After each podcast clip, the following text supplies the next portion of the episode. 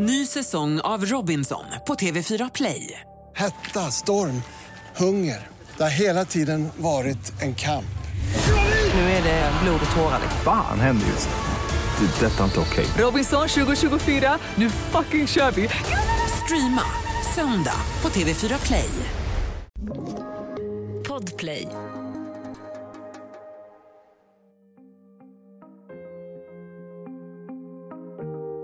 Skränig musik, demonstrationer och köttindustrier som sätts i brand.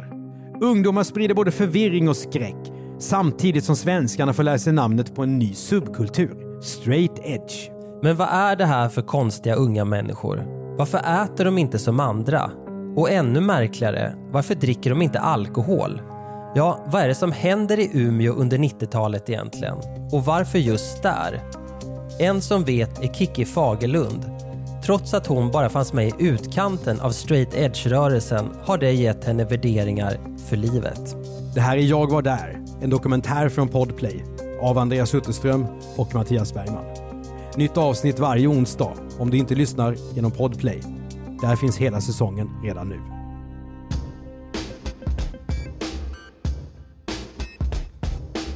Hörs jag nu någonting? Ja, det hörs, men det har faktiskt tagit ett bra tag innan vi hittat en person som passar för det här avsnittet. Det är podd det här ja. Då hade jag inte behövt smika mig heller va? Efter en del detektivarbete hittar vi Kikki i Piteå. Där driver hon en kommunikationsbyrå. Idag är hon 38 år gammal. Men vi ska gå tillbaka 25 år i tiden, till Umeå. Där kommer Kikki Fagerlunds uppväxt att korsa en av 90-talets mest omskrivna ungdomstrender. Kommer du ihåg när du hörde talas om straight edge första gången? Ja, ja, men då tror jag nog att det kan ha varit i mellanstadiet. Så att eh, hela den eh, livsstilen, eh, det minns jag väl på mellanstadiet att man började liksom se upp till personer som höll på med, med det. Och när Kikki kommer upp i högstadieåldern, då blir straight edge någonting att tänka på. I den där åldern när man har en drivkraft att ta ställning mellan rätt och fel, ont och gott. Och när föräldrarnas världsbild inte längre är så självklart sann. Självklart så skulle man ju färga håret svart. Eller blåsvart. Jag hade även nitbälte, för det var inne då, och palestinasjal. Så här, även om man skulle ha typ så här nätstrumpbyxor ovanpå andra strumpbyxor. ja, Converse. absolut Converse. Yes, box. Vem var du på högstadiet? Ja, det är kul för att jag gick musikklass. Jag var ju den, men jag var en lite udda filur i min klass för att redan då i åttan så, bör, åttan så började jag hänga med mycket äldre personer och feminister. Eh, alltså i åttan blev jag helt utmobbad av, av olika skäl. Jag var så här superpopulär i sjuan och sen så hände det något konstigt. Att alla bara tyckte, nej nu var jag inte cool längre. Så då fick jag söka mig utanför skolan och klassen och eh, då blev det att jag hittade en lapp i, ett, eh, i en, utanför en affär där det stod att tjejer söker till ett rockband. Ah, och jag tog en sån lapp och ringde dem. Och så sa jag, hej jag heter Kiki, jag är 15 år, eh, jag vill vara med. Ja men då kan du få komma och sjunga med oss då typ. Och så på den vägen var det. Umeå är Norrlands huvudstad och en växande studentstad som nu blir centrum för Europas straight edge-rörelse. Lite yrvaket börjar journalister få upp ögonen för vad som av många uppfattas som en lika ilsken som märklig rörelse. Kikki på sitt håll har hookat upp med vad som ska bli det första bandet hon spelar i. Ja, sen träffade jag ju då Jenny, Maria och Josefin. De var studenter på universitetet. Vi eh, började repa i, eh, i då på Galaxen som var den här eh, centrala ungdomsgården. Och vårt band fick det annorlunda namnet Peckish. ja, och eh, vi var väl en salig röra. Eh, Trummisen var ju, hon gillade ju eh, rap metal och ville helst spela sån musik. och git- gitarristen var lite åt hård, hårdrock sådär eh, och basisten Josefin hon gillade väldigt mjuk indiepop typ Massy Star och sånt. och jag var ju bara allmänt ung. Beskriv eh, Umeå som eh, musikstad under den här tiden då. Ja, alltså det var ju fantastiskt. Alltså väldigt, väldigt mycket musik. Allt ifrån eh, källare, Charlies kiosk fanns det ett ställe som hette, där under fanns en replokal, där var det mycket punkspelningar. Och Galaxen var, är ju en otroligt central plats i Umeå den tiden. Jag repade där en period också eh, och sen fanns det ju då en ganska stor scen och en lokal eh, för, för band då, eller för spelningar. Ett band som Black Flag till exempel spelade ju där. Jag tror att jag var där och jag hade ju ingen aning om vilka de var, men nu i efterhand när man liksom läser på om eh, hardcore musikens historia så är de en av de viktigaste banden egentligen. Det har börjat redan under punkeran på 70-talet. Till tonen av hardcore bryter vissa av punkarna med den förödande drogkulturen. Det blir starten på straight edge. Jag lyssnade inte på punk och HC i och för sig eh, och jag spelade aldrig den stilen heller. Jag lyssnade på Kent. Mm. Men samtidigt så hängde jag väl ändå med folk som både spelade i band, punkband och eh, ja, gick på sådana spelningar. Kikki är i en malström av intryck. För henne kommer musiken att bli definierande. Band som Refused med frontfiguren Dennis Lyxzén blir kändiskämpar i debatten. Men straight edge-rörelsen är långt bredare än så. Straight, det är att man säger nej till droger, alkohol och sexuell lössläppthet. Och edge, ja det är den hårda kärnan av militant veganism, anarkism och kritik av den internationella kapitalismen. Alltså, många kopplar det enbart då till att man avstår alkohol, men det är ju veganismen också som ingår väldigt tydligt, som man inte äter kött och, eh, eller, eller några animaliska produkter. Man väljer ju då bort alkohol, man är nykterist kan man säga, och sen så är man eh, ja, vegan eller vegetarian. Det handlar också mycket om mänskliga rättigheter, alltså att vara vänster om man säger, stå upp för, stå upp för rättvisa och jämlikhet och den biten. Och djur, för väldigt, väldigt mycket omkring djurens rätt eller djurrättsfrågor såklart. Det finns ett inslag av aktivism här. Eh, oj, ja, alltså det är egentligen, det borde jag ha sagt allra först. Aktivismen är först, det första liksom, som, som det handlar om. Och i, överhuvudtaget så är ju Umeå så är det ju en aktivistisk stad. Kanske finns det något i stadens DNA från socialdemokratins framväxt och arbetarstaden till den akademiska vänsterrörelse som kan frodas kring universitetet. Hur som helst, nu drabbas Umeå också av attentat. Det första som uppmärksammas är väl mer av ett busträck egentligen. Silikon i låsen på Gomans chark och så har någon sprayat “Go vegetarian” på väggen. Men när skinngruppens lokaler drabbas, en korvkiosk brinner och tre lastbilar som står vid köttjätten Scans fabrik brinner. Då kan man se ett mönster, spåren av en rörelse. Man är engagerad, man är med i en förening, man kanske har ett band, eh, arrangerar spelningar. Idrott är ju oftast väldigt stort eh, i den åldern, men för mig, i min värld fanns det bara musik och eh, att vara engagerad och skapa förändring och vara med och liksom utveckla samhället. Mycket demonstrationer, det kan man säga. Varenda eh, liten grej eh, demonstreras ju för under den tiden, men fortfarande också finns det ju kvar. Kiki kommer inte att bränna ner gatukök eller göra attentat mot livsmedelsindustrin. Hon delar heller inte ut flygblad. Men hon är en del av staden och en del av en rörelse där en moralfråga för tonåringarna kan vara är det okej okay att kyssa en köttätare? Vegetarian blev jag i högstadiet och var även hela gymnasiet. Det kändes väldigt så här, självklart. Kommer ni ihåg att det här är länge sedan? På 90-talet finns inte ord som flexitarian. Hamburgerkedjor skryter inte över att de säljer mer och mer vegetarisk mat. Det finns ingen stark debatt om att skippa eller minska köttkonsumtionen av klimatskäl. I skolmatsalen är vegetarisk kost något som sticker ut och kräver specialintyg. Och för att välja bort kött får man lägga mycket tid och pengar. Sojakorv och tofuglass är nästan lika ovanligt i Sverige som rysk kaviar. Vi tog bussen ner till stan ganska ofta då och eh, då fanns det en, eh, man säger en någonting som heter Kungspassagen där man hängde mycket. Den finns inte längre. Där är det Utopia nu som är en stor köpcentrum. Då fanns det en sån här hälsokost och jag vill minnas att de hade vi hade som, någon hade sagt att ja men här brukar Dennis Lyxzén köpa mat. Eller någon annan sån där hardcore punkprofil.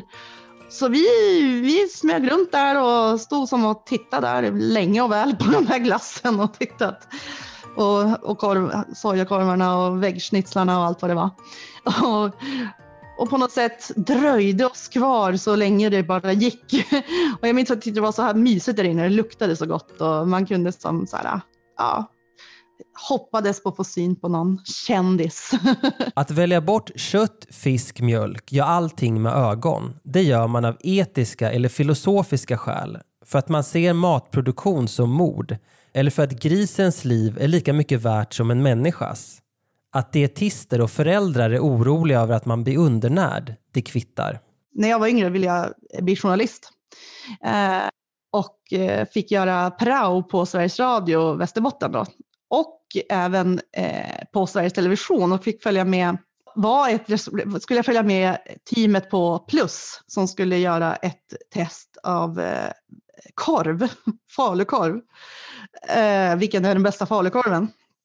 Och i det då att skapa det reportaget så ingick att göra, att vara på faktiskt Scans fabrik där de gjorde korv. Så jag fick ju hänga med in i och se hur man, hur, hur man gjorde det och eh, även blodpudding. Och efter det var jag ju inte sugen på korv något mer. kan jag säga. Men sen tror jag inte att den fabriken fanns kvar så hemskt länge till efter det. Listan över dramatiska händelser växer. Straight Edge-anhängare hamnar på Säpos bevakningslista. Att det är just de ungdomarna som står bakom attentaten, det vet man inte. Men indicierna är tydliga. Hundratals personer förhörs efter dåden som mycket väl skulle kunna kosta människoliv. De beskrivs som terrorister.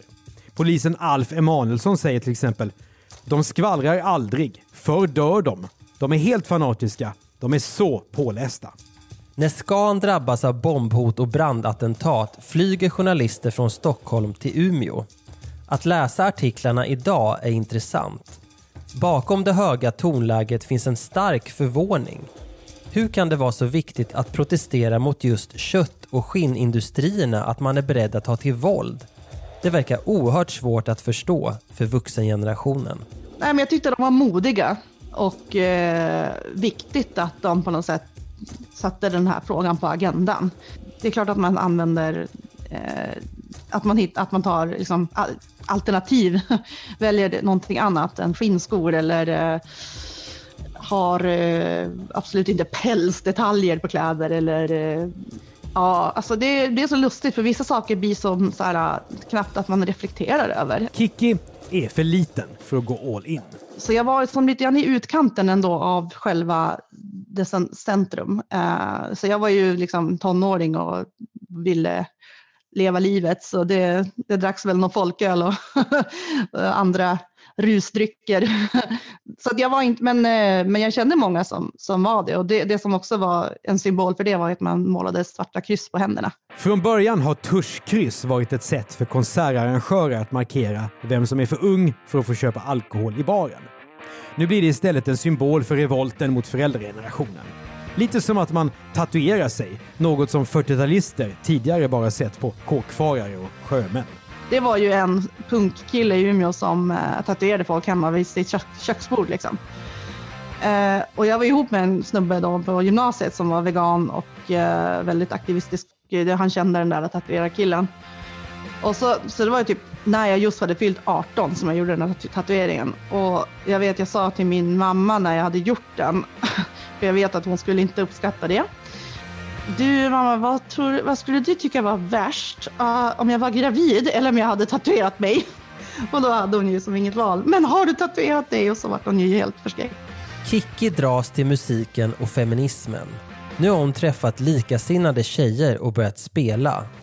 Och hon är yngst i gänget. De tyckte väl att jag var kul och hade mycket driv och pepp och engagemang och sådär. Så att, och vi började ju fixa mycket, eller försöka få spelningar och, och var ute och spelade en hel del på alla möjliga ställen. Men, eh, och sen var det så att Jenny som spelade gitarr, hon, eh, hade en idé om att starta en feministisk musikförening. Att organisera sig för att förändra, det ska bli Kickis bidrag till något bättre. Och att hon stör sig på att tjejer inte har lika självklar plats på scen som killarna, det är ganska lätt att förstå när man hör henne berätta. Det var ett tjejband oftast på, på en festival till exempel. Man hade en plats. Ja, det heter alltså band respektive tjejband vid den här tiden. Det är lite grabbigt och lite tufft sådär. Mycket det här att ja, men ska jag hjälpa dig att koppla in ditt instrument eller ska, vet du hur man stämmer basen eller typ vad har, alltså att man aldrig får, eller spela inte som en jävla tjejtrummis eller alltså som de kan säga till snubbar liksom. Eh, då fanns det liksom en fördomsfull, att ah, men ni var ju bra för att vara tjejer eller ni kunde ju spela. att förväntan var sällan att man skulle kunna någonting. Och det var ju lätt så att man nästan tittade snett på andra tjejer som spelade då och tyckte ja men, nej, men varför ska de få spela? Vi vill ju också spela så här. Men det är ju så onödigt att, och i systerskap så ska man ju ja, men det har ju liksom, där ska man ju istället gå ihop och skapa sin egen arena och sin egen scen. Bakgrunden är ju också att det fanns den här Riot Girl-rörelsen i USA. Hardcore-scenen där, i Portland framförallt, var väldigt mansdominerad som sagt. Och så kom ju då, och eh, Kathleen Hanna är ju en sån där eh, förgrundsfigur i det, som vi var inspirerade av. Ny säsong av Robinson på TV4 Play. Hetta, storm, hunger. Det har hela tiden varit en kamp. Nu är det blod och tårar. Fan händer just det. Det är detta inte okej. Robinson 2024, nu fucking kör vi! Streama söndag på TV4 Play. Ett poddtips från Podplay. I fallen jag aldrig glömmer djupdyker Hasse Aro i arbetet bakom några av Sveriges mest uppseendeväckande brottsutredningar går vi in med hemlig telefonavlyssning och, och då upplever vi att vi får en total förändring av hans beteende. Vad är det som händer nu? Vem är det som läcker? Och så säger han att jag är kriminell, jag har varit kriminell i hela mitt liv men att mörda ett barn, där går min gräns. Nya säsongen av Fallen jag aldrig glömmer på Podplay. Kikki kommer att bli en av dem som förändrar på riktigt genom stark drivkraft utifrån sin lokala plats. Och vi startade en förening som heter She's Got The Beat och eh, arrangerade spelningar och hade replokaler och festivaler och sånt där. Och jag tror att där, där hittade jag hem och befann mig i, i utkanten av hardcore straight edge men ändå på mitt sätt. Och redan de tidiga arrangemangen i Umeå blir viktiga. Otroligt stor effekt måste jag ändå säga. Alltså, ja, det var stort intresse från media till exempel. Vi det inspirerade andra i andra städer, för det började komma fler sådana liknande föreningar. Vi ska inte tillskriva oss hela liksom, att, att överhuvudtaget musikbranschen här. Men vi, det började lite mera eh, byggas upp en sån rörelse i landet. Vi var tidigt ute i alla fall. Då var det ovanligt när eh, ett band med bara tjejer stod på scenen. Nu är det inte det på samma sätt. Jag menar nu till exempel i tar man i så här äh, underhållningsprogram på tv, bara På spåret till exempel. Ja, men de har ju haft, först var det ju Sara Parkmans orkester, det var ju väl mest tjejer och sen var det ju Sarah Hot Nights och så, här, så eller andra sådana där husband. Men det var inte så då. Det var absolut inte självklart att kvinnor skulle spela hård musik eller leva om på det sättet. Det skulle vara, vara mer så här lugn och vän. Föreningsliv är mer än åsikter. Det kräver deltagarlistor, budgethantering och administration. Och ändå går en rät linje från Kickis engagemang tillbaka till punkrörelsens DIY. Do it yourself är ju någonting på något sätt. Alltså man, räknar inte, man, ska, man räknar inte med att någon annan gör det åt en. Också få arrangera egna festivaler eller driva en förening eller så. Det, det, det är mycket formalia, mycket man måste förstå sådär eh, och lära sig, vilket är nyttigt. Vänta inte på att typ Umeå kommun gör någonting, eh, utan du får göra det. Och så där har man ju också, apropå just att vara, man har ju varit som en igel på kommunen mycket och liksom försökt få dem att göra grejer, att man liksom själv tar initiativ och trycker på. Det kändes ju också som att man blev lyssnad på. Eh, många gånger, många gånger inte, men eh, jag tror att jag menar, unga idag vet väl knappt vad en kommun är. När historien om straight edge i efterhand har sammanfattats har vissa inslag med tiden fått större plats. Som musikens koppling till politik, Jämförelser har gjorts mellan straight edge och föräldragenerationens progrörelse. Det finns också en annan likhet. Anklagelsen om att anhängarna i proteströrelserna inte var så mycket underdogs som de ville få det att framstå som. Utan att det snarare handlade om privilegierade medelklassungdomar som lekte rebeller. Ja, jag är medelklass, akademikerunge. Det var ju de här äh, de som var mest engagerade i veganrörelsen också så mer eller mindre och det talades väl om lite grann att ja, men det var vita privilegierade kids som, som stod upp för, för det här att det på något sätt är lite fake. Men eh, ja, jag tycker i alla fall att vi, vi, vi gjorde ju någonting. Det kan verka som att energin försvann lika snabbt som den kom och att det idag bara är Dennis Lyxzén som fortfarande är lika arg. Men det stämmer inte, menar Kiki. Ja, alltså det är en helt felaktig beskrivning och absolut en eh, eh, förenkling. Som jag sa, den här mest aktivistiska med att bränna skanbilar och släppa ut minkar kanske i media hade ett utrymme under en kort period. Eh, men oh nej, alltså det här är, har ju varit under fortsättningen så länge som jag har bott i Umeå så har det funnits en, en scen för den typen av musik och den typen av människor har ju verkligen engagerat sig och det, det, det kanske blir på andra sätt. Ja, men just det med demonstrationer och manifestationer och sånt där. När eh, Jimmy Åkesson kommer till Umeå till exempel. Ja, men det är klart att det samordnas en motdemonstration mot det och det är ju samma människor som driver punkscenen framåt som gör det. Kiki Fagerlund har inte släppt musiken. Hon engagerar sig i flera feministiska musikprojekt, bland annat i Popkollo, en organisation som bidrar till att mängder av tjejer hittar till musiken. Hon flyttar till Piteå, bildar familj och blir företagare. Men ränderna går inte ur. Helt plötsligt så står svenskarnas parti och har någon äh, äh, äh, grej på torget här i Piteå och jag kommer med barnvagn liksom och de ska prata och spelar sån här hemsk gammal slager liksom. Och så står det någon skylt med typ så här, eh, här är avgångarna, åk hem, alltså till folk som har kommit till Sverige då.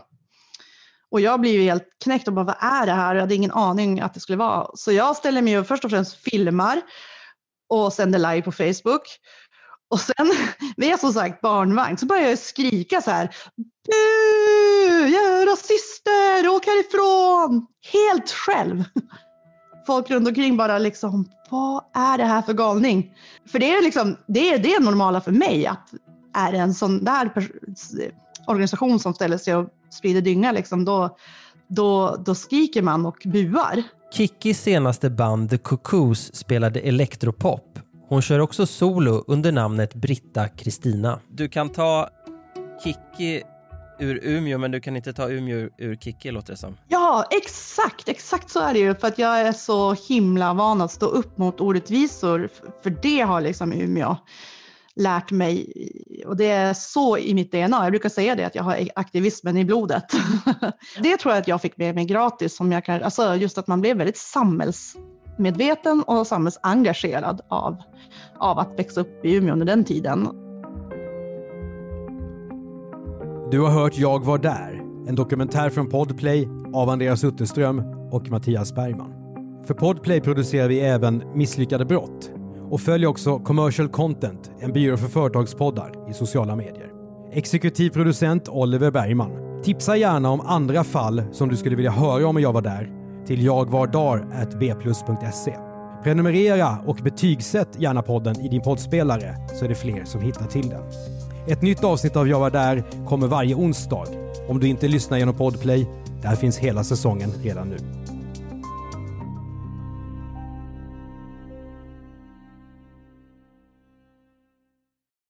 Ny säsong av Robinson på TV4 Play. Hetta, storm, hunger. Det har hela tiden varit en kamp. Nu är det blod och tårar. Fan händer just det. Det. är Detta är inte okej. Robinson 2024, nu fucking kör vi! Streama söndag på TV4 Play.